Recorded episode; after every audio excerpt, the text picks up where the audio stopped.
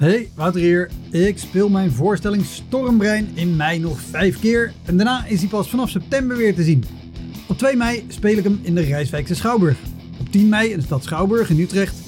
17 mei in het Toon Hermans Theater in Sittard. 25 mei in de Wiese in Schalkwijk. En 29 mei in het Stadstheater in Zoetermeer. Eind mei maak ik mijn nieuwe speellijst bekend, inclusief een te gekke show in de zomer. Meld je via elektropodcast.nl of woutermonde.nl aan voor mijn nieuwsbrief. Dan weet je als eerste waar en wanneer ik te zien ben.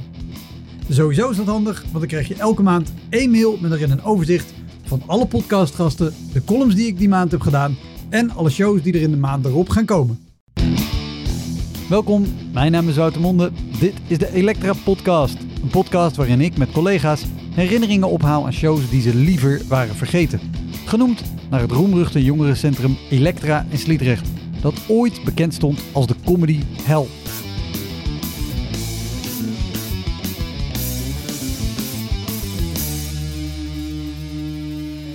Mijn gast is deze keer Paul van Vliet, cabaretier. Dat hebben we wel gehad, dat die grappen dan eh, als bakstenen Ja, ja, ja. op de grond kletterden. Want niemand had, was ik verkeerd gesouffleerd.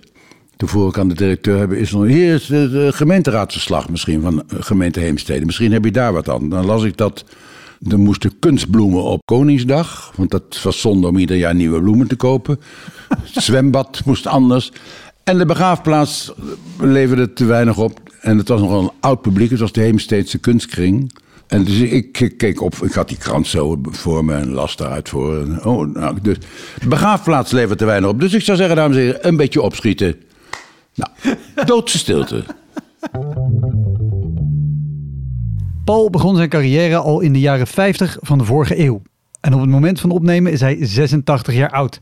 Hij speelt officieel niet meer, maar af en toe is hij nog wel ergens te zien.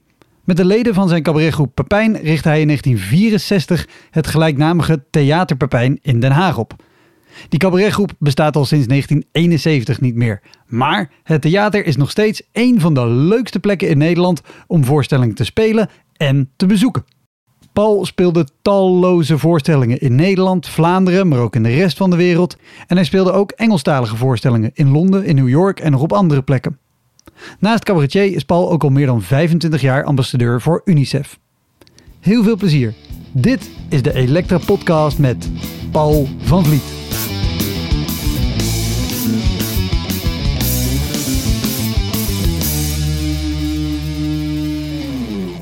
En, ja, je bent nog nooit zo begonnen, denk ik. Nee, ik vind het alleen maar leuk. Ja, ik ook. Helemaal prima. Nou, Eerste vraag, voor ik ook maar iets anders vraag. Is het goed als ik je zeg? natuurlijk. Dan Kijk. voel ik me minder oud. Fijn. Ze staan tegenwoordig voor mij op in de tram. Dat was even wennen. En dan weet je ineens dat je ouder bent. Maar je jij heel graag. Top, dan, dan doen we dat. Ik haalde net een, een boekje uit mijn tas bij het uitpakken. Toen zei al gelijk, dat is een oudje. Eh, het is een boekje uit 89. De originele druk volgens mij zelfs nog een paar jaar eerder. Dit gaf mijn moeder een tijdje geleden aan mij. Die zei, hier staat zo'n goed verhaal over Paul van Vliet. Dat moet je lezen. En het is inderdaad een heel goed verhaal. Eh, zou je de eerste twee pagina's ongeveer daarvan willen voorlezen? Want het is- Dat wil ik graag doen. Eh, het is Al heel lang moeilijk. geleden, dus ik eh, doe mijn best. Iedere avond anders. Zomaar een zaterdagavond. De derde voorstelling in de Delftse Doelen. Een oud maar dierbaar theater met een mooie akoestiek. Het is tien over acht, alles is klaar. We beginnen tegenwoordig weer met dicht doek. Vanwege de rust. De jongens van het orkest zitten een beetje voor zichzelf te riedelen. Ik loop heen en weer, achter het toneel en een veelgestelde vraag is dan... Is het nou niet vervelend iedere avond hetzelfde? Veelgegeven antwoord. Nee hoor, het is nooit hetzelfde, het is iedere avond anders. Vanavond wordt het echt anders. Te anders mag ik zeggen. Om tien voor half negen komt de directeur mededelen dat we nog 200 mensen missen. Zes bussen, vier uit Leiden en twee uit Breda. Ze hebben me niks verteld van die bussen. Ik hou niet zo van bussen. Eén bus, dat gaat nog, maar zes bussen, dat wordt te gek. Die horen te veel bij elkaar. Ze hebben meestal per bus een eigen komiek en ze ruiken altijd naar patat friet of Bami speciaal. De bussen uit Leiden zitten beneden. Breda is op het balkon ingedeeld. Dan wachten we nog even, zeg ik. Want ik vind niks ergers dan te beginnen en dan in tien minuten de hele handel weer stil te moeten leggen. De zaal wordt onrustig en gaat ritmisch klappen. En roept van 1, 2, 3, 4, komt er nog wat van? Ik word wat gespannen. Het is vijf over half negen. De bussen uit Leiden stommelen binnen. Vanwege de haast houden ze de jassen aan. Dat lijkt tijdbesparend, maar dan krijgen we weer dat ze de jas in de zaal gaan uittrekken. Zitten, roepen de anderen. Het is tien over half negen. Leiden zit. De directeur zegt dat we kunnen beginnen. Iedereen is binnen, zegt hij. Wat men nog niet is aangezegd, de bussen uit Breda zijn er nog niet. Het is over negenen. De balkondeuren zwaaien met verlichte. eh, De balkondeuren zwaaien verlicht aan beide kanten open. En met vrolijk gezang van carnavalsliederen. die waarschijnlijk in de bus al waren ingezet. schuiven zij de rijen in. Ook zij nog met de jassen aan. Ik denk, wat krijgen we nou? De zaal loeit. Ik nodig ze dan maar uit hardop te gaan tellen tot iedereen zit. Duizend man dreunen. 1, 2, 3, 4, 5 en 6. Ze vinden het heerlijk als kinderen die na schooltijd los mogen. Het orkest zet ritmisch een, een stukje in en ik doe op de maat een soort jazzy dansje. Tot zover lijkt het nog wat. Iedereen zit nu, denk ik. Maar dan komen er nog de nastoot van de wat bejaardere buspassagiers... die het hoge tempo over straat niet hebben kunnen volgen. Nou, en het blijft die hele avond een ramp, Wouter. Echt gebeurd. Dat wilde ik inderdaad vragen, want ik las het en het, het gaat nog veel verder dan dit. Het ontspoort aan alle kanten. En terwijl ik het las, dacht ik... Een gewone lezer zal denken, haha, Paul van Vliet, leuk verzonnen. En ik, ik, ik dacht gelijk al, dit, dit moet haast wel gewoon echt gebeurd zijn allemaal. Dit kan je niet verzinnen. Door, dan wordt het geforceerd. Het is meestal met de dingen die te ver- verzonnen zijn, te bedacht dat ze niet leuk zijn. Maar dit is echt de waarheid. Ik heb geprobeerd leuk op te schrijven, maar het is wel allemaal gebeurd. Alles gepropt in één avond. Je kan het je niet voorstellen. En toen vroegen ze dus aan end, was die voorstelling die rampzalige avond was afgelopen. Toen liep ik, eh, liep ik naar buiten. Daar stonden nog wat jongeren wat te hangen van we moeten nog wat. En die vroegen toen inderdaad aan mij... eh, en meneer Van Vliet, mogen we iets vragen? Is het nou niet vervelend iedere avond hetzelfde? Ik zei, nee jongens, het is iedere avond anders.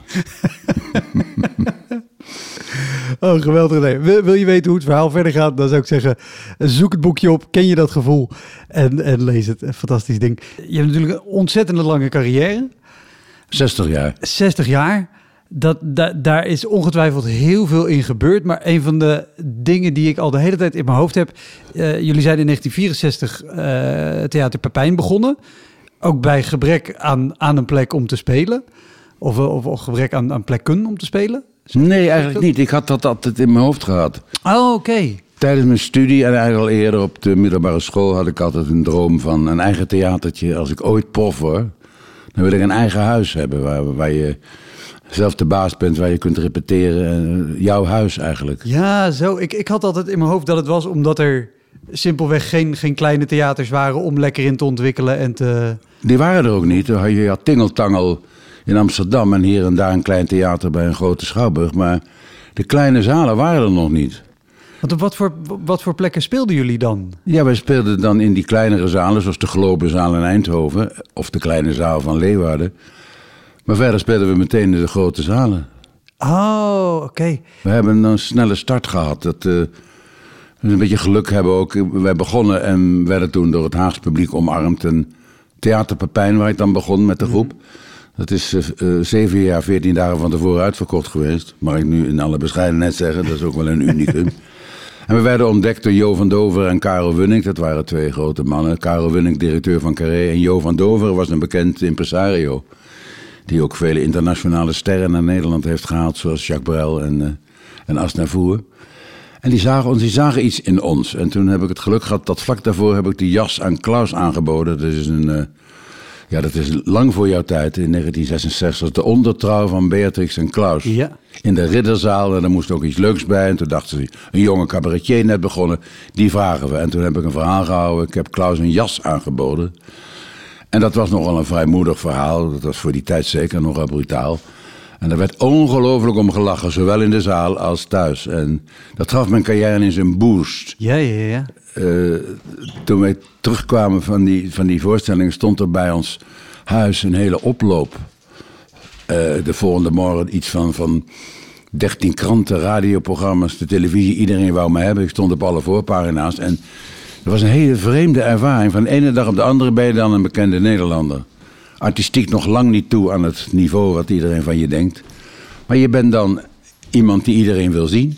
Dus vlak voordat wij op tournee gingen met Van Doveren en Wunnik, onze eerste nationale tournee, had je de jas van Klaus en iedereen wou die jongen van die jas wel eens zien. Oh, wat goed. Wat een raar soort misverstand was, want ze wouden dezelfde kick hebben als toen die uitzending. En dat krijg je niet. Ze kregen een gewoon cabaretprogramma van een beginnend groepje. Dus dat, uh, dat viel soms tegen. Ik heb wel een tijd nodig gehad om de kloof te overbruggen tussen de bekendheid van Paul van Vliet van de jas en Paul van Vliet gewoon van het theater. en weet je nog een, een, een avond bijvoorbeeld uit die tour dat, dat echt gewoon de teleurstelling of de realisatie bij het publiek dit is wat anders dan de jas van Klaus. Nee, dat niet. Nee, je voelde het alleen. Dat een soort opwinding van tevoren die wegging lopende het programma. Ja. Mensen waren op, op, zoek naar kicks, naar, naar uitzonderlijke gebeurtenissen. En verwachten van deze jongen van de jas, verwachten ze ook zoiets. Iets, iets opwindends, iets uh, heel ongewoons. Maar ze kregen een mooi, goed ingestudeerd programma. En uh, niet dat ze zeiden dat het tegenviel, maar het is vreemd. Iedereen die dat heeft meegemaakt zal dat kunnen beamen. Uh, je moet heel even uitkijken met die televisiebekendheid. Door, door iets uitzonderlijks. Wim Kan heeft dat heel goed geformuleerd. Die zei: We hebben 8 miljoen koeien in Nederland. En dan komt er één koe op de televisie. En dan zegt iedereen de volgende dag: Kijk, daar heb je die koe van de televisie. Die verder in zich niets onderscheidt van de andere 8 miljoen koeien. Alleen hij is op televisie geweest. En dat is een beetje bij, uh, bij televisie, televisiebekendheid door een ongebruikelijke gebeurtenis. Ja. En nog even terug naar, naar, die, naar die jas van Klaus. Je zei dat, dat, dat was vrijmoedig, zeker voor die tijd. Ja. Ben je dan niet op zo'n moment ongelooflijk zenuwachtig? Of dat je denkt, oké, ik ga nu iets doen wat goed viel. Maar dat kan natuurlijk ook totaal de andere kant opvallen. Wouter, dat is het merkwaardig. Ik was ijzig kalm. Ik stond er voor een zaal met houten metoten. De hele regering zat er, de hele koninklijke familie en andere, andere hoogwaardigheidsbekleders uit Nederland. En ik weet niet, ik had een soort, soort brutaliteit uh, en een soort rust in me. Die eigenlijk nergens op sloeg. Want het was best eng. Het werd live uitgezonden en s'avonds nog een keer herhaald. Maar ik kreeg iets van, kan mij dat schelen. En wat ik zei sloeg aan. En dat was uh, in het kader van die tijd te begrijpen. Uh, er was een gespannen tijd. Mensen waren tegen dat huwelijk van Klaus. Hey, dat herinner je misschien nog van Klaus en Gauws. Dan geef hem een fiets terug. Er was een soort... Uh, ja, wat, anti-stemming tegen Voor de luisteraars ook nog weer jonger dan ik. Ja. Het was natuurlijk de voormalige koningin die trouwde met Klaus. En Klaus was Duits. Duits. En dat lag twintig jaar na de oorlog nog niet heel erg lekker. Precies. Maar die mensen hadden allemaal uh, uh, hadden te maken met dat huwelijk die in die zaal zaten.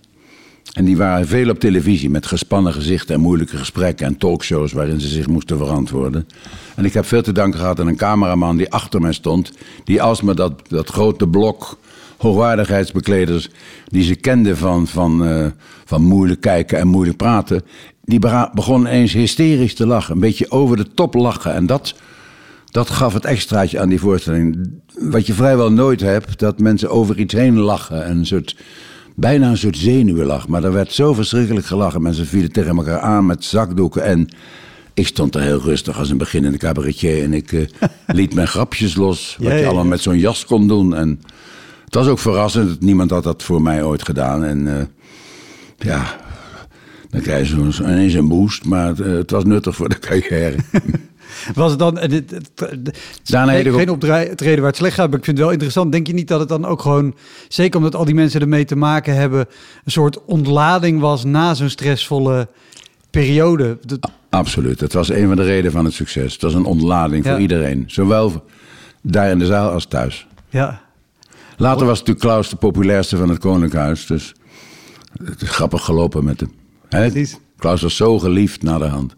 Het was ook een hele aardige, bijzondere en intelligente man. Ja, alleen dat wist, nou ja, ik wil zeggen, dat wisten we toen nog niet. Nee. De, de mensen om hem heen zullen het ongetwijfeld geweten hebben. Ja? Maar, uh, maar goed. Maar uh, ja, een hele fijne start van de carrière. Maar daar gingen we het niet over hebben. We gingen natuurlijk over de, de, de mindere avonden hebben. Wat is de, de, de eerste of de, de oudste avond die je kan herinneren waarvan je denkt, oh... Weet je, want, want uh, ik, ik had vorige week je, je boek beluisterd. Met allemaal uh, brieven die je hebt geschreven, uh, uit in die vorm. Ook al vanaf heel jongs af aan uh, duidelijk gekozen, dit is wat ik wil gaan doen. Na een, optreden op een zomerkamp, als ik het, als ik het goed heb. Wat heel goed ging.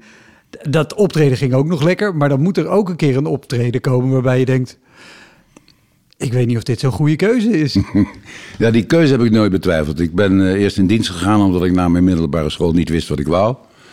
En daarna wist ik het nog niet. Toen ben ik gaan studeren, omdat iedereen zei, dan heb je een degelijke ondergrond. Toen ben ik geschiedenis gaan studeren, dat een van mijn hobby's was en nog altijd is. Na een jaar ben ik omgezwaaid naar rechten, want dat duurde korter. En toen ontdekte ik het Leid Studentencabaret. Toen heb ik drie jaar geen boek gezien en geen collegezaal.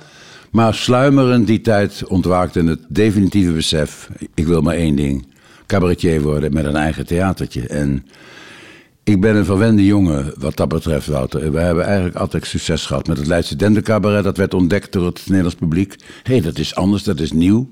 Vrijmoedig, want we hadden niets te verliezen. En met Pepijn, eh, het, het, de groep, het cabaret, hebben we dat ook gehad. We waren altijd overal vol.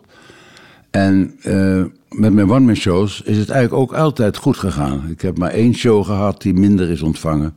Dat was in 1981. En daarna is het altijd volgebleven, mijn hele carrière lang. Ik heb wel in het buitenland een paar voorstellingen gehad die totaal op, op, waarbij ik totaal op mijn bek ging. Ik ben met de Engelse show in, in, in uh, New York geweest drie weken. Dat ging heel goed in een klein theater. En toen werd ik uitgenodigd voor Grossingers. Dat is een groot restored hotel boven New York. Die hadden de Holland Week. En de tulpen bloeiden, want die hadden ze gekregen van het Nederlands Bureau voor Toerisme. En zeiden ze, dat is leuk, een Nederlandse entertainer. Die moet bij ons in het hotel optreden. Wat ze me niet hadden gezegd was dat het Singles Weekend was. Een heel raar instituut. Komen uit heel Amerika, het is nu niet meer. Komen vrijgezellen en hebben maar één ding in hun kop. Hoe krijg ik zo snel mogelijk een partner voor de nacht? En, en sowieso even, want, want het is een hotel, zeg je? Ja. Wat voor grootte? Wat een enorm hotel. Honderden kamers, echt zo'n... We kennen dat hier bijna niet. Een enorm hotel, zo'n resort hotel met alles erop en eraan. Ja. Tennisbaden, zwembaden, fitness, uh, parken eromheen. Alles kon je er doen. Mountainbiken... Uh, ja, dus, dus gigantisch. En daar, geen Van der Valk Nijmegen, zeg maar. Nee, en uh, een grote nachtclub van, van 800 man. En alle grote Amerikaanse entertainers hadden erop getreden. Ze hadden een gang vol met Sinatra, Dean Martin, Dean Martin Streisand, Judy Garland. Dat je daarheen gaat, dat je denkt... Ja, dat, dat was het. Dat maar, lekker spelen. Maar het was eigenlijk... het was, het was verschrikkelijk. Singles publiek, het was verschrikkelijk. Ik begon te spelen, mijn gewone programma... En na tien minuten stond er een grote Amerikaan op. Zei, come on folks, let's go. This man is not funny. En die verdween met zijn familie. Die verdween met zijn familie naar de bar of naar de bowling. En dat voorbeeld werd gevolgd. Dus dat is de absolute nachtmerrie.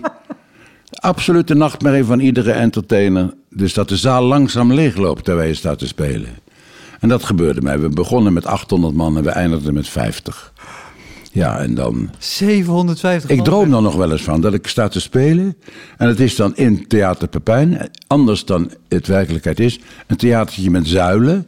Ja. En buiten die zuilen zitten ook nog mensen.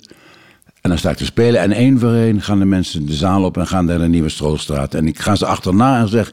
Kom terug, kom terug, ik zal het beter doen. Kan je nagaan wat, hoe diep dat zit? Die toch ergens, wat ik nooit bewust overdag heb gevoeld, die faalangst. Ja. Maar dat, dat je s'nachts in je, in je dromen toch gaat bezoeken. En, en dat, dat dat toch ook niet uitgebalanceerd wordt door nou, duizenden shows met gewoon hele volle zalen en heel enthousiast publiek. Ja, heel gek. Zit ergens, ja. Hm. Maar, maar, ik heb mijn andere dromen hoor, het is voor te ver misschien, maar uh, theaterdromen zijn natuurlijk allemaal een beetje zo. Dat je, dat je opstaat en in je on, op, op toneel staat en in je onderbroek staat. Of, uh, ja. Ik heb ook wel eens een droom dat ik op het toneel sta boven het toneel en niemand me kan zien. Ze zitten dus beneden. Ik sta, er is een podium boven het podium. Ja. En ik zie ze niet, maar ze zitten er wel. Ik had natuurlijk een verdieping lager moeten staan. Dat soort dromen. Ja. Raar beeld. Raar beeld, ja. Maar als je collega's spreekt, dus ook vooral van het grote toneel, die uh, natuurlijk altijd het probleem hebben van, van ken ik mijn tekst wel, dat is hun grote nachtmerrie. Mm -hmm. Die hebben allemaal verwante dromen. Ja, ik vind het wel grappig. Ik, ik was aan het, aan het bladeren in, ja. in het boekje uh, en ook even kijken wat, wat is een leuk fragment eruit. En uh, ik vind het leuk dat je het nu vertelt over deze droom, want dit verhaal eindigt met: Ik heb een vast terugkerende droom, minstens één keer per maand. Dan droom ik dat ik sta te spelen en dat de mensen één voor één de zaal verlaten. Ik ga ze dan op straat achterna om ze terug te halen. Maar ze willen niet meer en de droom lost zich altijd op in zweterige wanhoop. De droom lijkt op vanavond. Baron van Taats van Avenzaten, het typetje van je, zegt dat het bezoeker nog niet is afgelopen. Het mag niet helpen. Het blijft behelpen. Tot de laatste noot. Ik heb moeite met de glimlach die bij het slotapplaus van me wordt verwacht en ik kijk glazig naar de klappende handen. Ja. Grappig dat ik het toen ook al had. Ik wist niet eens meer dat het erin stond. eh, in het verhaal. Maar het is een, een, een droom die ik dus heel lang heb gehad. En Ja, ja, ja. in dat verhaal heb beschreven. En zijn er, zijn er bij, bij shows in Nederland ook wel eens mensen weggelopen bij? Ja, nou, eh, mensen wel eens die dronken zijn of die verkeerd eh, terecht zijn gekomen. Ik heb dat in Tilburg een keer gehad. Er zat een groep van zes. Die hadden enorme lol, maar die, normaal kan ik dat wel de basis zijn. Jongens, hou even op, ik ben nu aan de beurt. Jullie mogen straks weer, het is zo pauze. En dan kan je weer een pilsje bestellen. Of je hoeft niet grappig te zijn, maar je moet even laten zien hè, wie is hier de boswachter hè, die avond. Ja. In het begin had ik dat wel ook, schoot ik in een soort kramp toen ik pas begon te spelen. Nu moet ik eh, alert en eh, heel eh, gevat reageren. Hoeft niet. Je, het beste is gewoon rustig blijven en laten zien dat, dat het je niks kan schelen. En die mensen even rustig toespreken. Dat deed ik, maar ze bleven rumoerig en ze verstoorden de voorstelling echt. Want ze hadden helemaal niet in de gaten waar ze zaten. Dus toen ben ik naar ze toe gegaan, wat een, risico was. Ik ben van toneel gestapt. Ze zaten op rij 8. Ik zei, jongens, gaan jullie even met mij mee? En door een wonder zijn ze dat gaan doen. Ze volgden mij. We gingen naar de ruimte buiten de zaal, in de, in, in de gang daaromheen. En toen heb ik gezegd, eh, jongens, jullie zitten volgens, volgens mij verkeerd. Hè, eh, ga maar naar de kassen, je kan je geld terughalen. Want, eh, en dat gaven ze dan ook toe. We hadden gedacht iets heel anders te hebben en ze hadden te veel gedronken. En we zijn als goede vrienden gescheiden, dat duurde even. Maar ze, ze gingen dan, half mokkend gingen ze dan af naar leukere dingen in de stad. En ja, toen moest ik weer terug. En toen kwam ik terug in die zaal in, in, Tilburg. kreeg ik enorm applaus. Ja, die mensen zaten ook zeven minuten Precies, die zonder mij. En toen nou was de voorstelling ook gered. En, hè, de- want je krijgt dan een soort rare stemming in de zaal als er iets gebeurt. Eh, ik heb dat bij collega's ook wel eens gezien. Als ze echt boos worden of zo. Ik ben- was bij Joep van het Hek een keer. Toen ging die telefoon een paar keer af. En toen werd hij echt kwaad. Ging hij schoppen en godverdomme. je- je- dan ge- gezeik. Hij werd echt woedend. Liep hij te stampvoeten op het toneel. Oh. En dat, eh, dat is gênant. Dat werkt niet. Eh, dat, En dat, dat geeft ook een hele rare sfeer in de zaal. een hele rare sfeer. En het was natuurlijk een kwartiertje eer dat weer eh, gedempt was en hij weer zijn normale ding kon doen en ook de zaal weer tot rust was gekomen en zich gewoon voelde. Maar dat zijn wanneer vreemde incidenten. Als er iets gebeurt in de zaal wat ongebruikelijk is, ja, dat verstoort. Behalve als je het kunt oplossen op een manier waarvan je zelf niet dacht dat het zou werken. Maar dat je mensen zeven minuten alleen laat, was natuurlijk een enorm risico. Maar ja, ik dacht, ik, ik moet wel, want wat, hè, ze moeten niet doorgaan. Ben ik benieuwd wat die mensen zich af hebben gevraagd. Want die zullen ook gedacht hebben, komt die terug? Komt hij terug? Wat gaat hij doen? Kan dit wel? Ja. En nou ja, dan zeg je zo van ga even iets voor jezelf doen, ben zo terug. Weet je, Ja. zoiets. En eh, da- daar was ik ook wel benieuwd naar, naar aanleiding van je, eh, van je boek. Want daar, eh, het zijn allemaal brieven die je daarin schrijft. Je schrijft er ook een aan God. Daar vertel je ook van, nou, ik ben op een gegeven moment, eh, zijn we uit elkaar gegaan, zeg maar. Heb ik me tegen afgezet. Maar dat was denk ik ook in een periode, als je dat op een podium deed... Dat, dat de reacties in het publiek, dat, er zullen misschien ook bij mensen bij hebben gezag, gezeten die hebben gedacht, dit is niet... Zeker, toen ik begon had je drie heilige huisjes. Dat was God, eh, Oranje, het Koningshuis en... eh, nou, dat was het eigenlijk, die twee. Da- Ja. Daar kon je eigenlijk niks van zeggen. En ik ben helemaal niet zo'n satirische, felle, grove cabaretier geweest ooit. Maar ik had een keer een nummer, De Heilige Kuip. Dat ging over de nieuwe religie, dat was voetbal. De Kuip was dan de, de plaats van, van de, waar de heiligen bijeenkwamen. De scheidsrechter was eh, de hoge priester en de spelers waren de gelovigen. En ik had een Gregoriaanse muziek erbij. Komt samenkomen, laten knielen wij nu neder rondom de groene mat. De heren van het wit met zwart gebokte leden. Nou, zo'n zo'n song. En daar zijn mensen wel boos over geworden. En dat is in 1970. En dat is nu ondenkbaar dat er iemand zou opstappen en de zaal zou verlaten. Omdat ik daarmee het katholicisme of wat ook zou beledigen. Nee, dat, En dat is met het Oranjehuis ook. Eh, daar kan je tegenwoordig ook alles over zeggen. Ik bedoel, ik weet niet of de columns van Joep van het Hek volgt. in de NRC, die wil dan wel eens uitpakken tegen de Oranjes. En daar zegt ook nooit iemand van. Ik geloof niet dat daar boze brieven op komen. Eh, je kan wel bijna alles zeggen nu. Ja. Vermits het eh, humoristisch is en, en ergens vandaan komt. Dat vind ik wel. Je moet dan een, reden hebben om, om iets te bespotten. Ja, of iemand. Dat, dat, dat altijd. En mensen die daar destijds boos over werden, wa- was dat achteraf met een brief of, of ook wel in de zaal? Nou, alles over God, dat wordt meestal ook eh, schriftelijk becommentarieerd. Ze lopen enkele keer de zaal uit toen. Hè. We spreken over 50 jaar geleden. Dat is nu ondenkbaar, maar nog steeds als ik iets over God zeg, over het geloof, dan komt er altijd wel post op.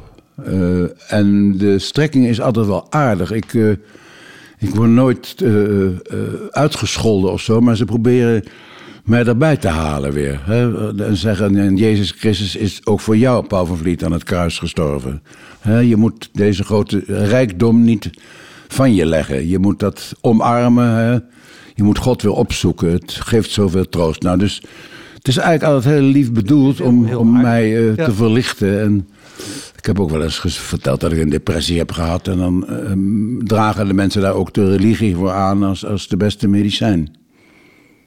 Het werkt voor sommige mensen. Zeker, ja. Het, het lijkt me ook wel rustig. Om, eh, ik ben eh, protestant opgevoed, heel vrij hoor. Mijn ouders hebben me nooit gedwongen tot iets. Maar eh, het, het, het blinde vertrouwen in God en eh, het, het woord Gods geeft natuurlijk rust in je leven. Dat je hè, erop kunt vertrouwen dat je later ook goed bezorgd bent in de hemel. En dat God alles voor je oplost. Dat hij liefde is. Dat hij je ook in je zwartste dagen niet loslaat. Al die troostende en steunende dingen die het geloof oplevert. Dat is natuurlijk heerlijk als je daar blind in gelooft. Mijn vader was oud en had mijn moeder tien jaar eerder verloren. En zei de laatste jaren van zijn leven: Ik ben zo blij dat ik straks moeder terugzie.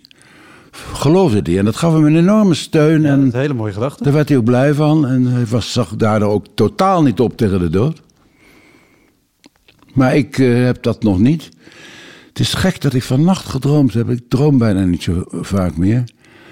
Dat ik in de kloosterkerk zat. Dat is de kerk hier vlakbij, die oude kerk eh, op het Voorhout. Tegenover de Diligentia. Ja. Voor jou een bekende plek. Ja. Eerder dan de kloosterkerk, denk ik.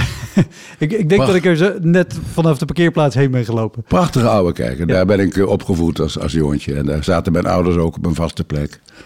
En dat ik daar weer zat en ik dacht, god, het is toch eigenlijk wel, wel prettig hier. En ik moet dat misschien toch wel weer op gaan zoeken. Omdat ik ook, nu ik ouder ben, misschien ook daar de zorg van de kerk krijg. Het was ook nog berekenend, was het, in mijn droom. het is wonderlijk dat we daar nu over beginnen te praten. Want ik, eh, ik was die dromen weer vergeten, zoals je alles vergeet. Ja. Droom jij ook? Of? Weinig. Ja, ik ook weinig. Ik, ik heb toevallig ook vannacht gedroomd, dus dat, dat hebben we gemeen. Maar ik zou echt niet meer weten. Meestal weet ik het ook niet, maar Wat? het komt nu ter sprake. En ik denk aan die kloosterkerk en aan de zekerheid en de rots, het rotsvaste vertrouwen... wat dat Ja. soms oplevert in je leven. Ik vind, ik vind het een hele leuke gedachte dat er nu een aantal briefschrijvers in Nederland denken: het is gelukt, we hebben Paul terug. Ja, ja, het zou kunnen. Maar ze komen nog bijna iedere week binnen. De, de, Echt? Ik heb nog een uitgebreide cor- correspondentie. Niet alleen eh, mail, maar ook vooral de post. Omdat ik zelf ook eh, brieven schrijf. Ik vind het nog altijd leuk om echt te schrijven. Ik Ja. schrijf ook al mijn teksten met de hand. En ik vind het leuk om me in iemand te verdiepen die dan in gedachten tegenover me zit. En dat doe ik met die briefschrijvers ook. Dan zou ik me af te vragen, wat is dat? Meestal is het een oud handschrift. Kan ik het zien dat het... eh, ja, je hebt een bepaald soort schuinschrift wat mijn moeder ook Ja. had. Wat een beetje ouderwets aandoet. Eh, jullie daarna hebben allemaal rechtop leren schrijven volgens mij. Ik heb je blokletters, dus Ja, ja, zie je. eh, Ja, gewoon- Maar er was een tijd dat het schuine schrift nog. ik, En ik ken ik- het van mijn oma inderdaad. Ja, ja, ja, nou, precies, ja. Hey, Wouter hier. Ik speel mijn voorstelling Stormbrein in mei nog vijf keer. En daarna is hij pas vanaf september weer te zien. Op 2 mei speel ik hem in de Rijswijkse Schouwburg. Op 10 mei in de stad Schouwburg in Utrecht. 17 mei in het Toon Hermans Theater in Sittard. 25 mei in de Wiese in Schalkwijk. En 29 mei in het Stadstheater in Zoetermeer. Eind mei maak ik mijn nieuwe speellijst bekend, inclusief een te gekke show in de zomer. Meld je via elektropodcast.nl of woutermonde.nl aan voor mijn nieuwsbrief. Dan weet je als eerste waar en wanneer ik te zien ben. Sowieso is dat handig, want dan krijg je elke maand één mail met erin een overzicht van alle podcastgasten, de columns die ik die maand heb gedaan en alle shows die er in de maand erop gaan komen. Goed, over schrift gesproken. Je hebt ook een lijstje volgens mij met een aantal optredens liggen. Klopt dat? Nee, nee. Oh, nee. oh ik dacht dat dit aantekeningen waren. Je... Nee, helemaal niet. Ik uh, heb... Uh, als het ter sprake kwam, zijn tips voor jonge cabaretiers. Ah. Maar we hoeven het er helemaal niet over te hebben. Maar ik dacht, als het ter sprake kwam...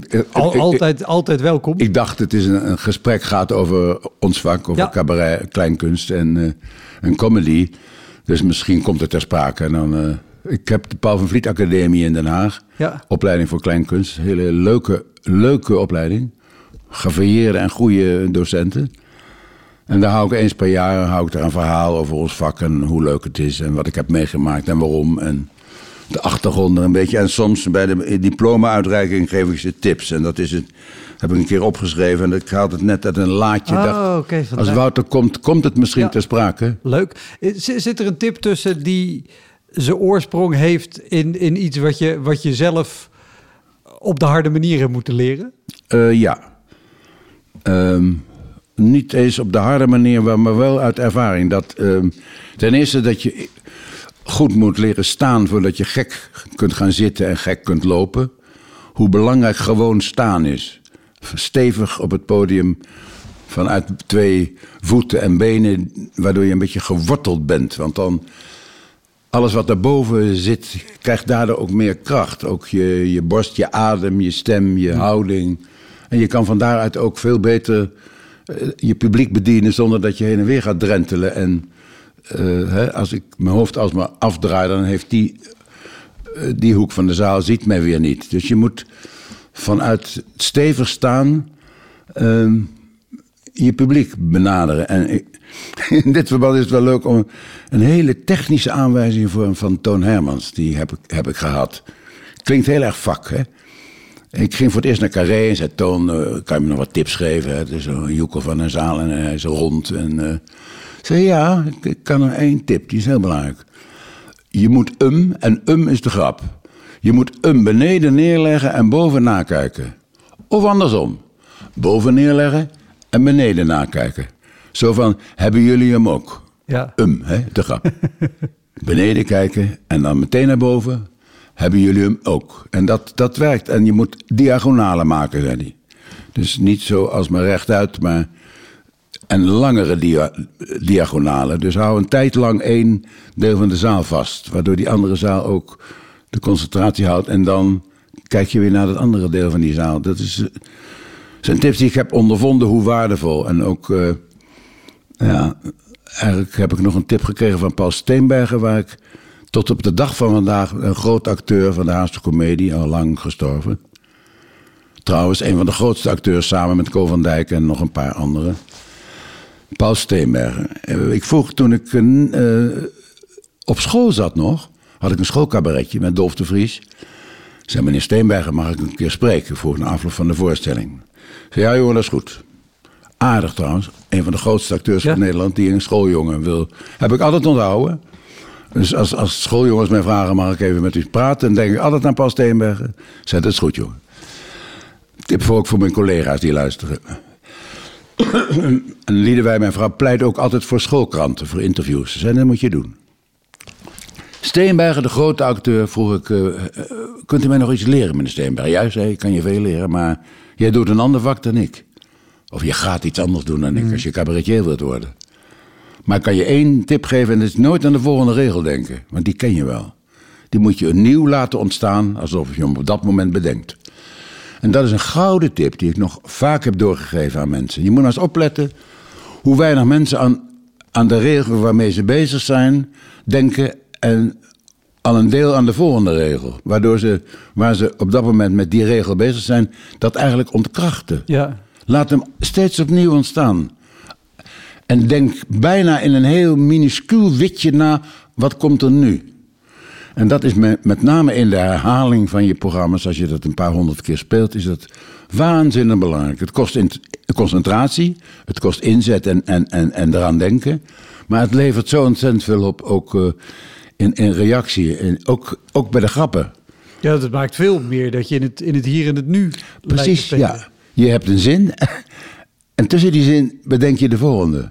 Maar, de, de, de- Maar niet al als je met die grap bezig bent. want wat ik, wat ik er wel in herken, is dat je natuurlijk vaak vooruit denkt. Omdat je denkt, nou ja, dit blokje tekst, dat weet ik. Maar wat ga ik hierna doen? Ik heb het afgelopen zondag nog gehad. Ik moest bij de opname van een tv-programma... eh, moest ik eh, het publiek opwarmen, maar tussendoor ook de kandidaten aankondigen... en achteraf nog een blok vullen, omdat de jury aan het overleggen was. Oh ja. Dus ik wist, nou, ik moet ongeveer een kwartiertje doen. Dan weet ik, ik doe dit stukje, ik doe dat, doe dat, doe dat. Maar die waren nog niet terug. Dus terwijl ik sta te spelen, sta ik al te denken... wat kan ik hierna nog doen? Hoe ga ik daarheen? Want ik heb geen vast programma ervoor gemaakt. En natuurlijk de angst, die kwam net ook al even voorbij... dat je zei, eh, b- de angstdromen van, van grote spelers... is toch je tekst kwijt zijn. Dus ik denk dat veel mensen dat daarom ook doen. Is het jou wel eens overkomen dat je er zo in je, in je huidige zin of in je huidige regel op ging... dat je echt niet wist wat de volgende regel was? Nee. Eh, klinkt gek, maar in 60 jaar ben ik nog nooit mijn tekst kwijt geweest. Klinkt heel onwaarschijnlijk, maar het is waar. En eh, als ik het misschien niet helemaal meer wist, kwam er op dat moment door een soort mysterie wel een andere zin. Die ongeveer klopte. Ik, Lieselore Gerritsen, met wie ik Cabaret Pepijn deed. Die deed het nummer wat ik had geschreven. Voor mij hoeft het niet. Een, nummer geschreven voor een vrouw. Een beetje een languissante, verwende diva. Die eh, echt... Al die dingen, de, de normen en waarden, dat hoeft voor mij niet. Ik, ik heb mijn eigen leven en... Nou ja, zo'n vrouw. Die raakt halverwege de tekst kwijt. In de paniek loopt ze het toneel af. Ik loop in een reflex het toneel op. Ga in de stoel zitten waar zij in zat. Ga ook lui hangen. En speel haar nummer door op dat moment waar zij was opgehouden. En verander nog de tekst in grof geruite rokken, in grof geruite sokken. Omdat het vrouw, man... Ja. Dat is het enige wat ik nog weet. Maar ik heb op dat moment het vrouwelijke eruit gehaald en verbogen naar mannelijke dingen en, en, en, en, en bijwoorden en, en eh, voorzetsels. Eh, Oh, wat goed. maar ik kwam wel buitengewoon vermoeid en bezweet van toneel af. dat je in een soort trance dat doet. Zijn van die mysteries. Ik heb ook een keer... Ik ben geen improvisator, laat dat duidelijk zijn. Ik moet alles goed voorbereiden en dan Ja. voel ik me veilig. Bij de voorbereidingen kan me niks schelen. Eh, Try-outs en kladavonden, die ook Paul in het klad heb ik heel lang gedaan. Voorlezen voordat ik eh, begon. Wat een heleboel jongens hebben overgenomen, wat een fantastische manier is en wat ik iedereen kan aanbevelen. Gewoon met je ruwe script, het voorlezen aan kleine zaaltjes en, en ook dingen voorleggen. Dit kan ook, kan die kant uit, ik weet het nog niet precies. Wat vindt u? Zo'n heb ik enorm veel aan gehad. En eh, eh, wat wou ik zeggen? Ehm, Dat het, dat het, je, je was geen improvisator. Oh nee, geen, geen improvisatie behalve bij die kladavonden. Ja. Maar ik heb een keer met Audrey Hepburn opgetreden... die mij bij UNICEF heeft gebracht als ambassadeur. En wij traden samen op een... Ga, op Ga een ik, voor, de, voor de jongere luisteraars moet ik, moet ik soms even, want die zullen denken... Audrey oh, Hepburn. Maar Ja. dat was natuurlijk een ontzettend grote filmster Ja, in de vorige eeuw. Echt, nou ja, dat is alsof je nu met Beyoncé zou spelen. Zeg. maar. minstens. Ja, En ze is zelfs nu nog een, een, een, een idool en een, eh, een voorbeeld voor modeontwerpers en, en eh, grafische ontwerpers. ja.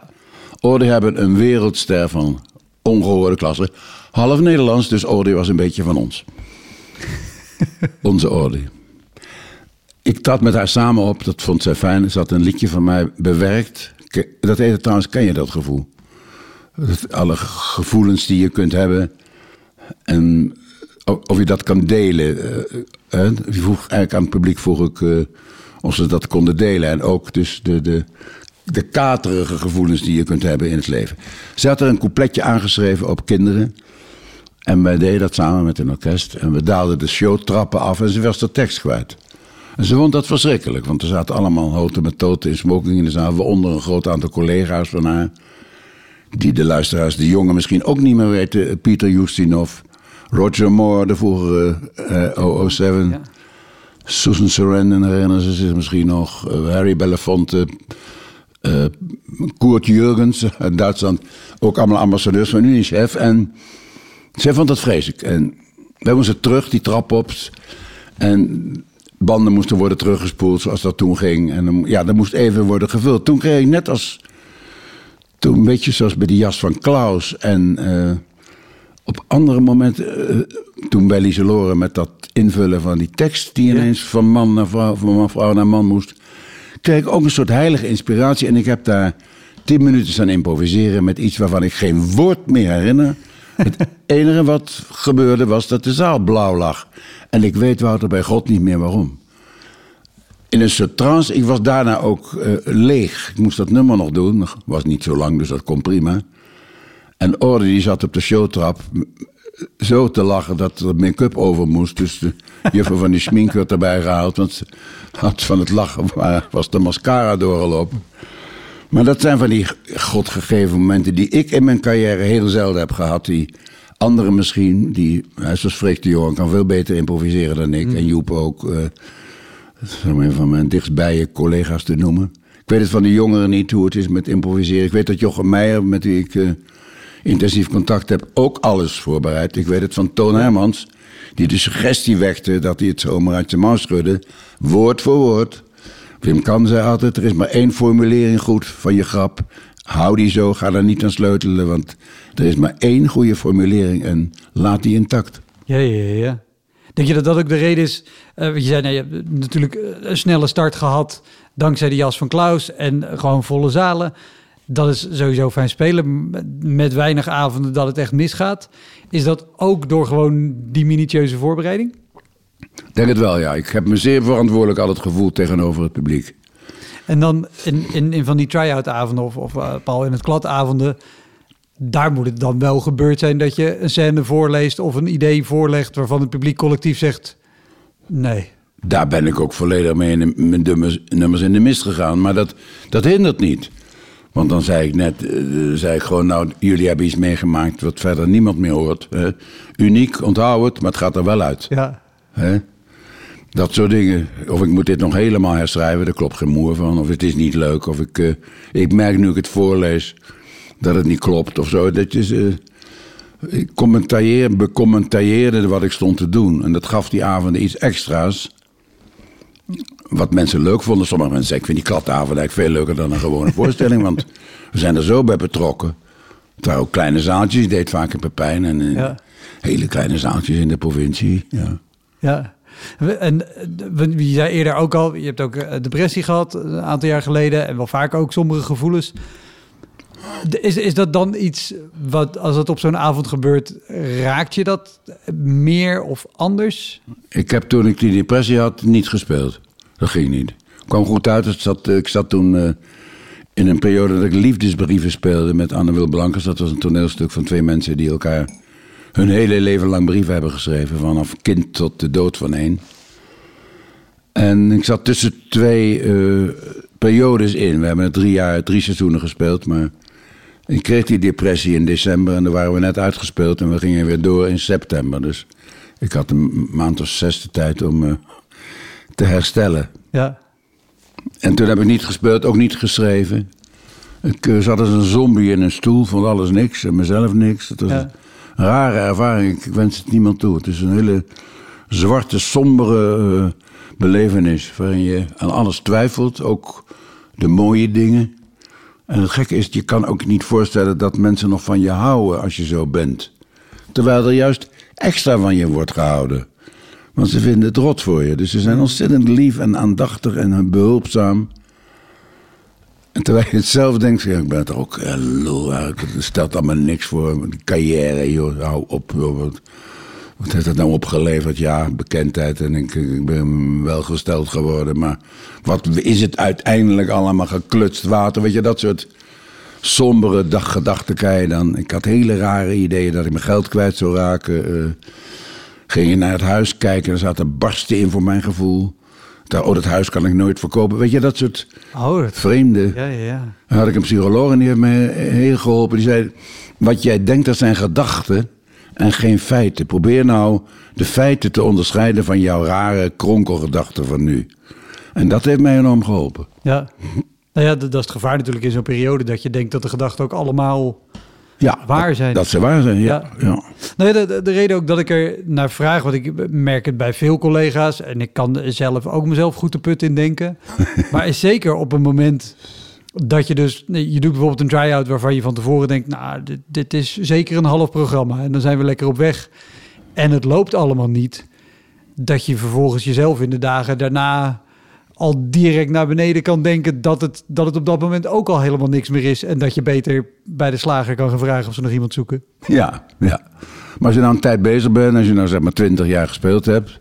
Ik weet niet hoe lang jij eh, gespeeld hebt nu. Uh, nu ja, een goede tien jaar. Tien jaar, ja. Nou, als je nou 20 jaar gespeeld hebt, dan heb je een redelijk zelfvertrouwen. Dat de mensen je leuk vinden en dat je het kan. Hè? Je hebt uh, misschien wel tien programma's geschreven in die tijd. Iedere twee jaar één, zo ongeveer, liep het bij mij. En uh, er is een, een redelijke grond om door te gaan en niet aan jezelf te twijfelen. En te denken, nou, het is mij toch twintig jaar gelukt. Hè, dus dat gebeurt wel. Dat, die energie heb je buiten een depressie om wel. Ja.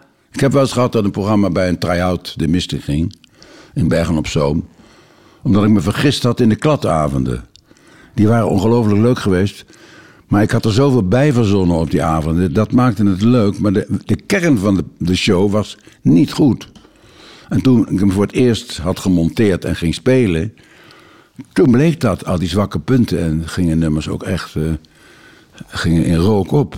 De, hoe, hoe, waren die avonden dan om te spelen? Dat, het... dat er was er maar één. Ja. En dat was eigenlijk een ramp. Maar toen uh, had ik gelukkig nog tijd. Ik had nog veertien dagen. En uh, dat is ook zo'n wonder. Hey. Dat je dan. Uh, toen ben ik ook in een soort trance geraakt. Het was vlak voor kerstmis, deze try-out. En ik moest op 2 januari in Middelburg zijn.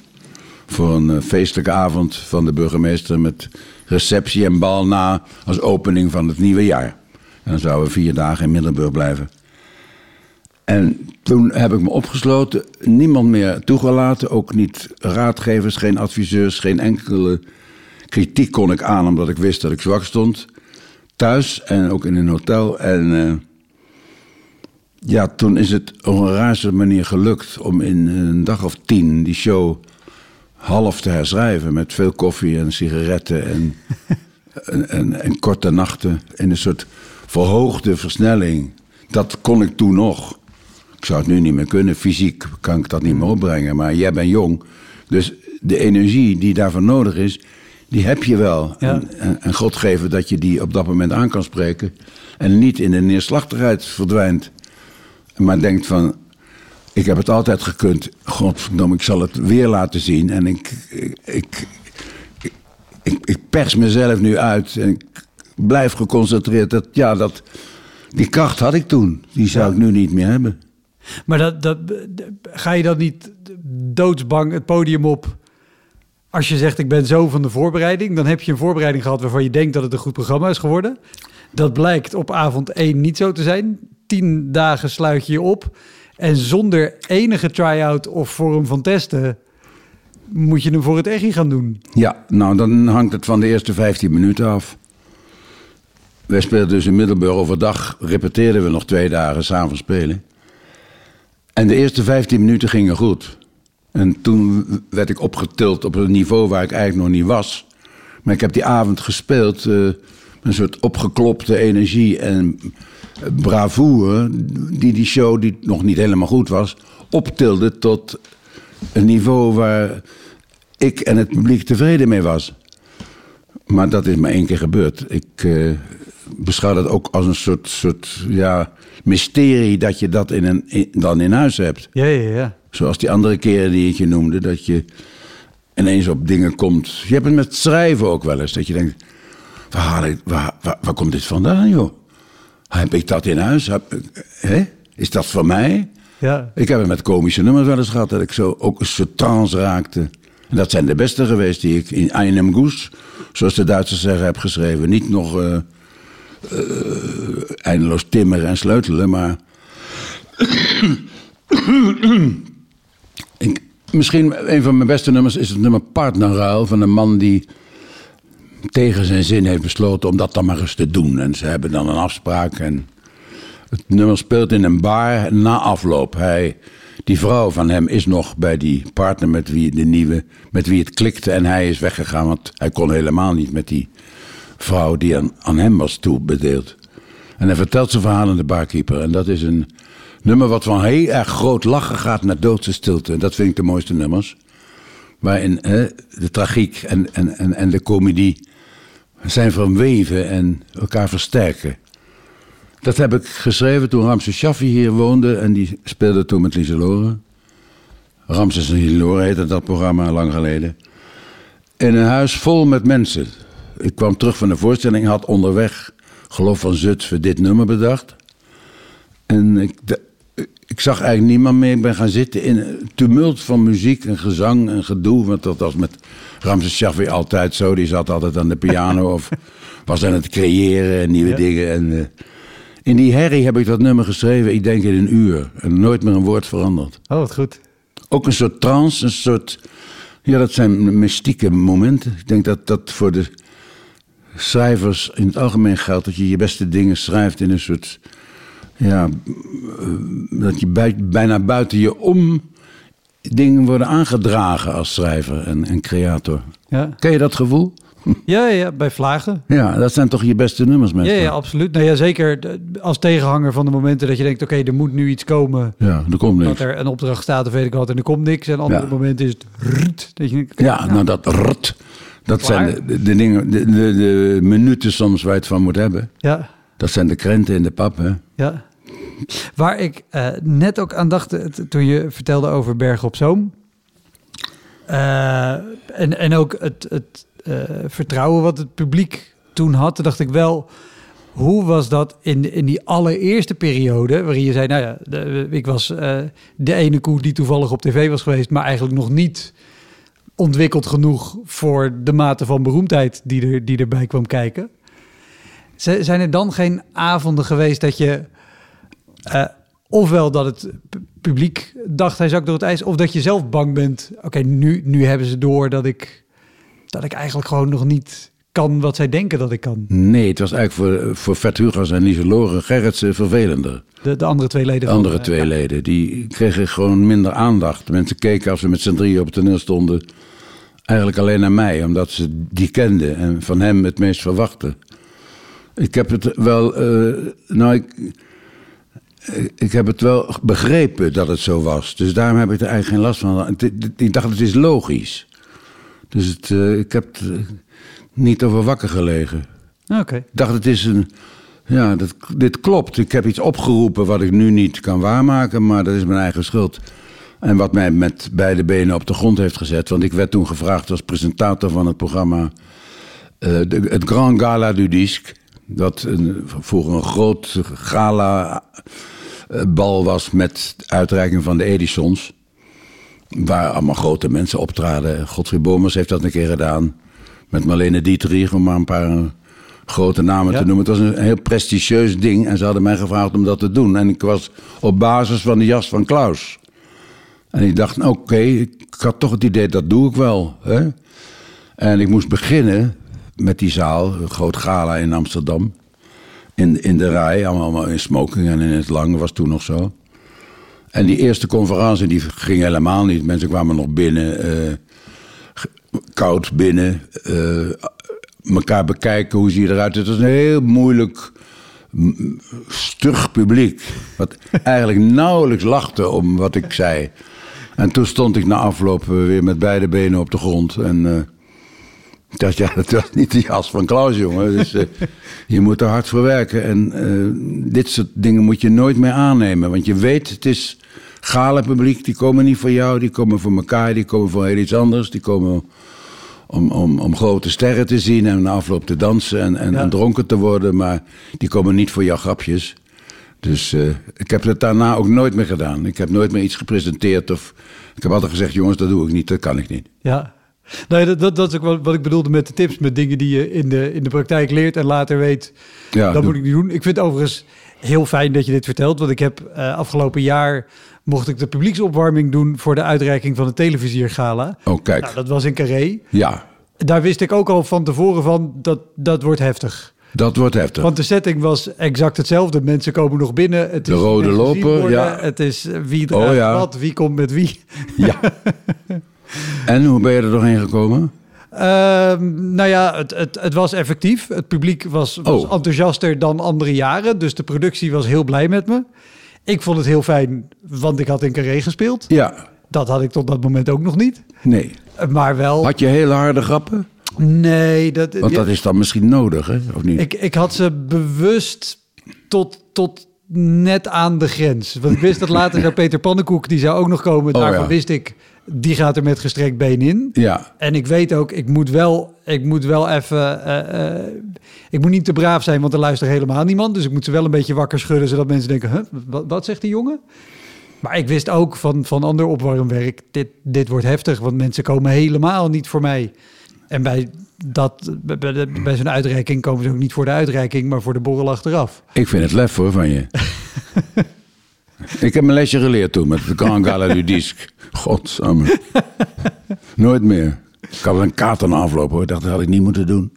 Heb je, heb je dat bij andere, andere gelegenheden ook nog gehad? Nee, dit, nee. dit doe ik niet meer. Dit- Nee, nou laatst heb ik dat. Ik heb een nieuw boek eh, geschreven, Heimwee naar morgen. Waar dat verhaal van Bergen op Zoom trouwens in staat. En eh, we waren bij een oude vriendin van ons, die is 88 en die woont in een, een bejaardenhuis, een verzorgingsflat hier in de buurt. Keurig huis, dat heet eh Caspar de Conigny. Allemaal hele nette eh, dames en heren zitten daar. En die vriendin had gevraagd, ach kom nou een keer bij ons optreden. Hè? En ik heb in mijn goeieheid eh, ook gedacht, we zaten daar gezellig te, te drinken en te eten. Dat doe ik voor Irene. Dus ik ben daarheen gegaan en ja, dat was... eh, eh, dat dacht ik toen ik daar stond, had ik beter niet kunnen doen. Want het begon om drie uur 's middags, ook al een noodtijd, vol licht. En het klopt natuurlijk technisch ook niet. Want het is voor zo'n bejaardenhuis of verzorgingsflat is dat natuurlijk nieuw. Zo'n zo, man die langskomt en die heeft om een microfoon gevraagd en licht en zo. Dat was dat dus allemaal niet. en het, wat enorm ophield bij het begin waren er wel iets van 40 rollators die geparkeerd moesten worden in een ander zaaltje. Dus dat hield ook enorm op. En toen was het. En toen, ik eindelijk op me zat, de helft zat zo eh, te knikkenbollen al. De helft zat te pitten. Dus ik ben er wel vol in gegaan. En keihard, goedemiddag dames en heren. Het schrok iedereen wakker. En toen dacht ik ook wel, eh, hè, daar moet ik 86 voor worden om te weten dat ik dat eigenlijk niet meer doe. 60 jaar. Ik hoop niet dat de lui mensen van Gaspar de Cougny deze eh, podcast horen. Want ik, het zijn allemaal schatten van mensen en ze vonden het prachtig, zeiden ze. Dus. Ja, maar dat, Maar dan denk je, ja, ik, ik, ik, ben, ik sta je verkeerd. Ja, en het, het is natuurlijk vaker bij, bij dit soort dingen dat het met degene die je uitnodigt met de beste bedoelingen is en, en heel vanuit een heel goed hart, maar dat het technisch, eh, nou ja, Ja, ik heb, op nou ja, alle, alle, alle mogelijke manieren gewoon niet, niet kan. ik heb, eh, dat zeg ik je nu, de luxe gehad dat ik dus uitkopen niet meer heb gedaan sinds de laatste 40 jaar ik.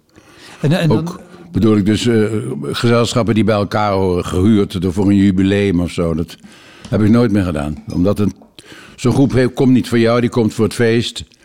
En die komen voor elkaar en, die, die, en, en het bestuur heeft jou dan ingehuurd voor iets leuks. En eh, ja, dat is, dat is niet jouw publiek die individueel heeft gekozen om naar jou toe Nee. te gaan. en, Een wereld van verschil. Weet je nog uitkopen die je wel hebt gedaan, waar, waar je nu aan terugdenkt en denkt, wat heerlijk dat ik dat al 40 jaar niet meer heb hoeven doen. Ja, familie Otte, de directie van Philips. De golf in, eh, in Eindhoven.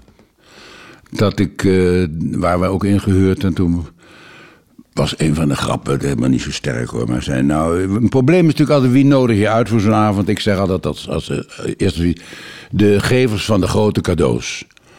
Dat zat nog vervolg aan die grap, maar toen riep mevrouw Otte, die mij had gehuurd, nee jochie, weet je wel. Dat, eh, ja, dan word je even heel erg klein. En ben- dan ben je toch de ingehuurde clown. Hè? Verschrikkelijk. Ja, dan wist ik niet dat ze geen cadeaus hadden willen hebben. En het geld naar een goed doel ging. Dus het was voor mij ook niet zo slim. Maar, maar ja, het was ik, een grap die ik wel vaker had gebruikt op feesten. En dat ging dan om dat, dat, hè, dat je moest zorgen dat het prijsje er dan nog aan zat. Hè, dan kon je zien hoe duur het was Ja, ja, geweest. ja. En hè, dat expres laten zitten. Als je een vaas van 38,50 had gekocht. Dat ze zouden zeggen, oh, goh, god die Paul een dure vaas gekocht. Hè. Maar dat was een misser. Ja. Ja, voor zo'n setting een prima binnenkomen. Maar ja, als het gezelschap heeft gezegd, doe maar geen cadeaus. Maar uitkopen liever niet. Enkele keer wel natuurlijk. Een bijzondere jubileum doe ik wel. Eh zij 50 jaar bestaan van de Schouwburg Os. Ja. Dat is leuk. Ik heb 50 jaar bestaan. Want daar word ik tegenwoordig nog voor gevraagd. Maar dat is ook een hele andere Precies, dat zijn setting. Dat, 50 jaar bestaan van het congresgebouw heb ik gedaan. Dat soort dingen. 50 jaar bestaan van de Arenberg Schouwburg in Antwerpen. ja. En dan maak ik een speciaal programma wat die 50 jaar een beetje eh, bestrijkt. En dat vinden ze prachtig en dat, dat gaat ook altijd goed. ja, maar dat, sluit heel anders, ja, wie je ja. bent en wat je doet. Ja. En ik heb een paar keer ook wel, eh, nou, een soort jas van Klaus, was eigenlijk een soort uitkoop. En ik heb nog wel eens meer gehad dat ik. Maar dan moest, heb ik me helemaal op geconcentreerd en een speciaal programma daarvoor gemaakt. Dat is wel de voorwaarde, dat eh, zal jij ook, Ja. denk ik, doen. Als je zegt voor een, door een gezelschap wordt gehuurd, dan moet je niet denken dat je een gewoon publiek hebt. Je moet hè, minstens de eerste tien minuten moet je het over hun hebben. En, Absoluut. En, hè, de situaties in het bedrijf. Of, ik heb ook voor het 50 jaar bestaan met een pilotenvereniging heb ik een heel pilotenprogramma gemaakt. Maar dat loont. Ja. Want dat vinden ze mooi. Ik heb dan ook ja, listig ook oude stukken daarin gevreven. Meisjes van 13 heb ik verbouwd tot eh, vrouwen van vliegers. Nou zat iedereen te snikken, die vrouwen. Dus dat was... Dus, dacht ik na afloop ook, ja, van dat heb je goed gezien. Maar, en ik had een nummer, oh, oh, wat kan ik laag. Dat heb ik mee geprobeerd het carnavalswezen te bestormen. Ooit ook een misser trouwens. Oh, oh, oh, wat kan ik laag. Ik haal de tonen diep van onder en uit mijn maag. Het is een wonder boven wonder, dat gerommel daar van onder. dit is niet gewoon meer, dit is ontzettend laag. Oh, oh, oh, wat kan ik laag. Nou, er zat nog een voorstuk van een sopraan die de stem kwijt was en ineens een paar octaven naar beneden schoot. Het was een nummer. Maar het, het, het, het, het, het, refreintje bestaat altijd nog in het zuiden. En in Brabant en Limburg het heeft dat overleefd. Verder het nummer niet. Dat had ik dan omgebouwd voor de vliegers, voor de captain met zijn lage stem, weet je wel. Van, Ja, ja, oh, dus, uh, ladies and gentlemen, we're flying at the height of uh, feet and we're approaching now uh, Amsterdam Airport. Zipper. Nou, zo, zo gebruikte ik dan dingen die ik al had. En, maar nagedacht, speciaal. Ja. Ik, eh, ik treed op voor de vliegers, dan is het ook een uur vliegers. Heb je, heb je wel eens gehad, want je zei, eh, eh, als het voor een gezelschap is, dan moet het ook echt over het gezelschap gaan. En niet denken dat je gewoon publiek hebt. Heb je, eh, en misschien in de eerste keren dat je deed, wel eens gedacht, nou, ik schuif er toch gewoon een, een blokje bestaand materiaal in? Nee, nee. Nee? Nee, nee, als ik speciaal daarvoor gemaakt had, dan deed ik dat. Ook al deed het niet. Dat heb je ook wel eens. Dat ze niet weten waar je het over hebt. Ik had voor altijd een lokale conferentie. Die heb ik ook lang geleden afgeschaft. Als ik in Almelo speelde, dan, eh, en dan was ik daar om een uur of vijf. En dan ging ik naar de toneelmeester of naar de schouwburgdirecteur. Wat is er nog gebeurd in Almelo? Of ik had afspraak met een journalist om half zes. Vertel me even de, de laatste nieuwtjes van Almelo. En dan perste ik dan tussen half zes en half acht nog een eh, aantal grappen uit. En die deed ik als eerste. En dat eh, ging soms heel goed, als het leuk was en eh, actueel. Maar ik heb ook vaak gehad dat ik grappen maakte op dingen waar niemand iets van wist. Het stoplicht bij de Herenstraat, eh, weet ik wat. Ja, ja. Dat, knipper, dat knipperbolt, nou ja, weet ik, ik, ik weet, ik weet geen enkele grap meer. Maar ehm, dat heb ik wel gehad, dat die grappen dan als bakstenen Ja, op de grond kletterden. Want niemand had, was ik verkeerd gesouffleerd. Begrijp je? Ja, ja, ja, ja. En ik heb ook wel eens foute grappen gemaakt. Ik weet voor de kunstkring van Heemstede. Toen vroeg ik aan de directeur, hebben, is nog, hier is de, de gemeenteraadsverslag misschien van eh, gemeente Heemstede. Misschien heb je daar wat aan. Dan las ik dat, er was een debat geweest in de gemeenteraad dat er, de, de kosten moesten naar omlaag. Onder andere van eh, de, de, de begraafplaats, want die was te duur. Ik weet het nog, het is lang geleden. Er moesten kunstbloemen op Kon- Koningsdag. Want dat was zonde om ieder jaar nieuwe bloemen te kopen. Het zwembad moest anders. En de begraafplaats leverde te weinig op. En het was nogal een oud publiek. Het was de Heemsteedse kunstkring. Die hadden één avond van de vijf in Haarlem gehuurd. Dat was traditie. Die hadden daar recht op. En dus ik keek op, ik had die krant zo voor me en las daaruit voor. Oh, nou, dus de begraafplaats levert te weinig op. Dus ik zou zeggen, dames en heren, een beetje opschieten. Nou, doodse stilte. Niet lachen. Er was er een barst in de staalzoeg. Het was, was op dat moment een volkomen foute grap. Mensen konden dat toch niet wisselen. Het, het, het kwam te dichtbij. Oh, en En dat duurde dan toch een kwartier eer je de zaal dan weer terug hebt. daarna moet je de hele avond. Ja, dan moet toch, en dan moet je. Ja, en dan moet je niet zeggen, dat had ik niet moeten zeggen, geloof ik, of zoiets. Maar je moet maar gewoon doorspelen dan en eh, Ja, ja. kijken wat er gebeurt. maar dat is, ja, je, er zijn natuurlijk allemaal dat soort Oh, het is verhalen. zo'n gok altijd. Want ik, Ja. ik heb het ook vaak hoor als ik ergens kom, dat ik zeg maar, oh, maar is er nog recent iets gebeurd? En soms gaan mensen ook inderdaad heel erg graven.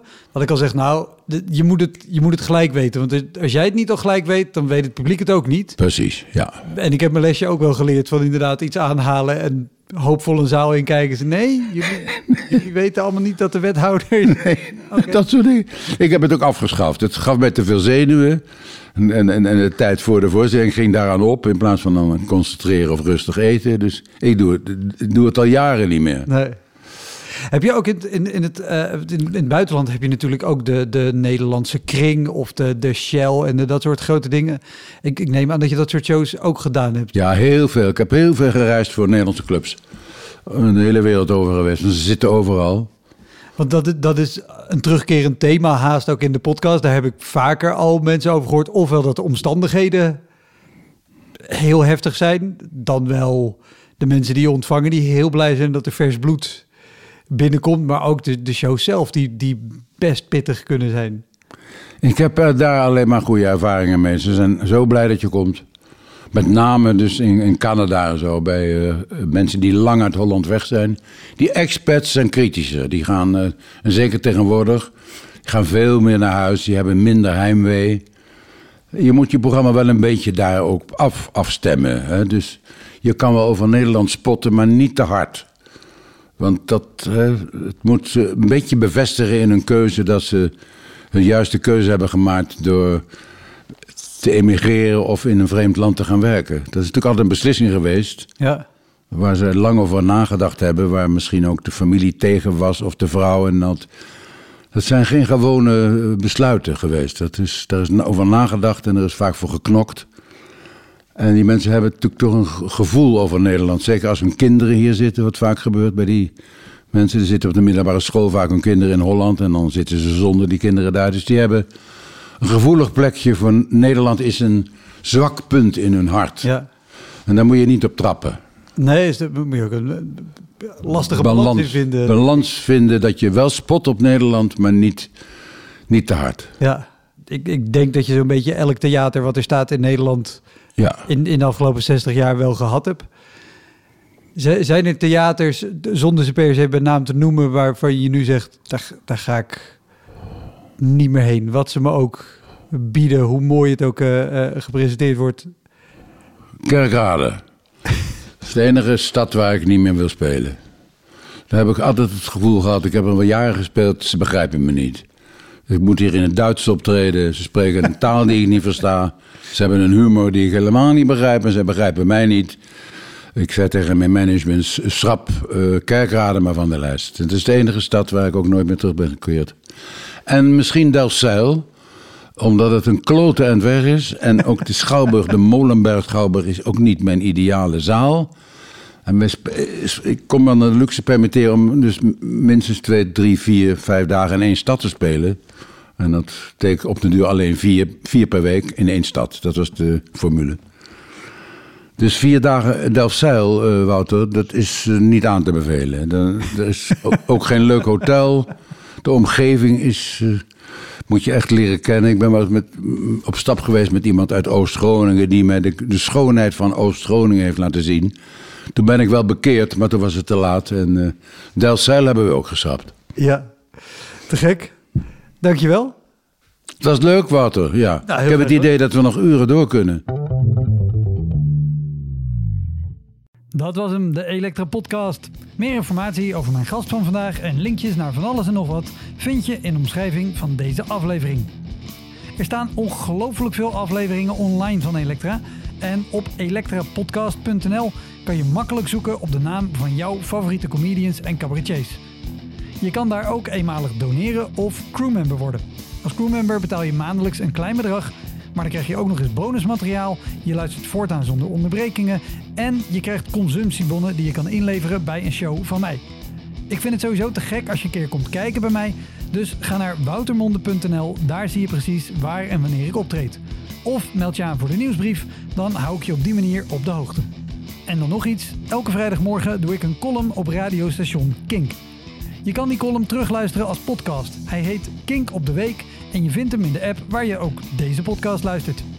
Oké, tot de volgende Elektra. Hoi!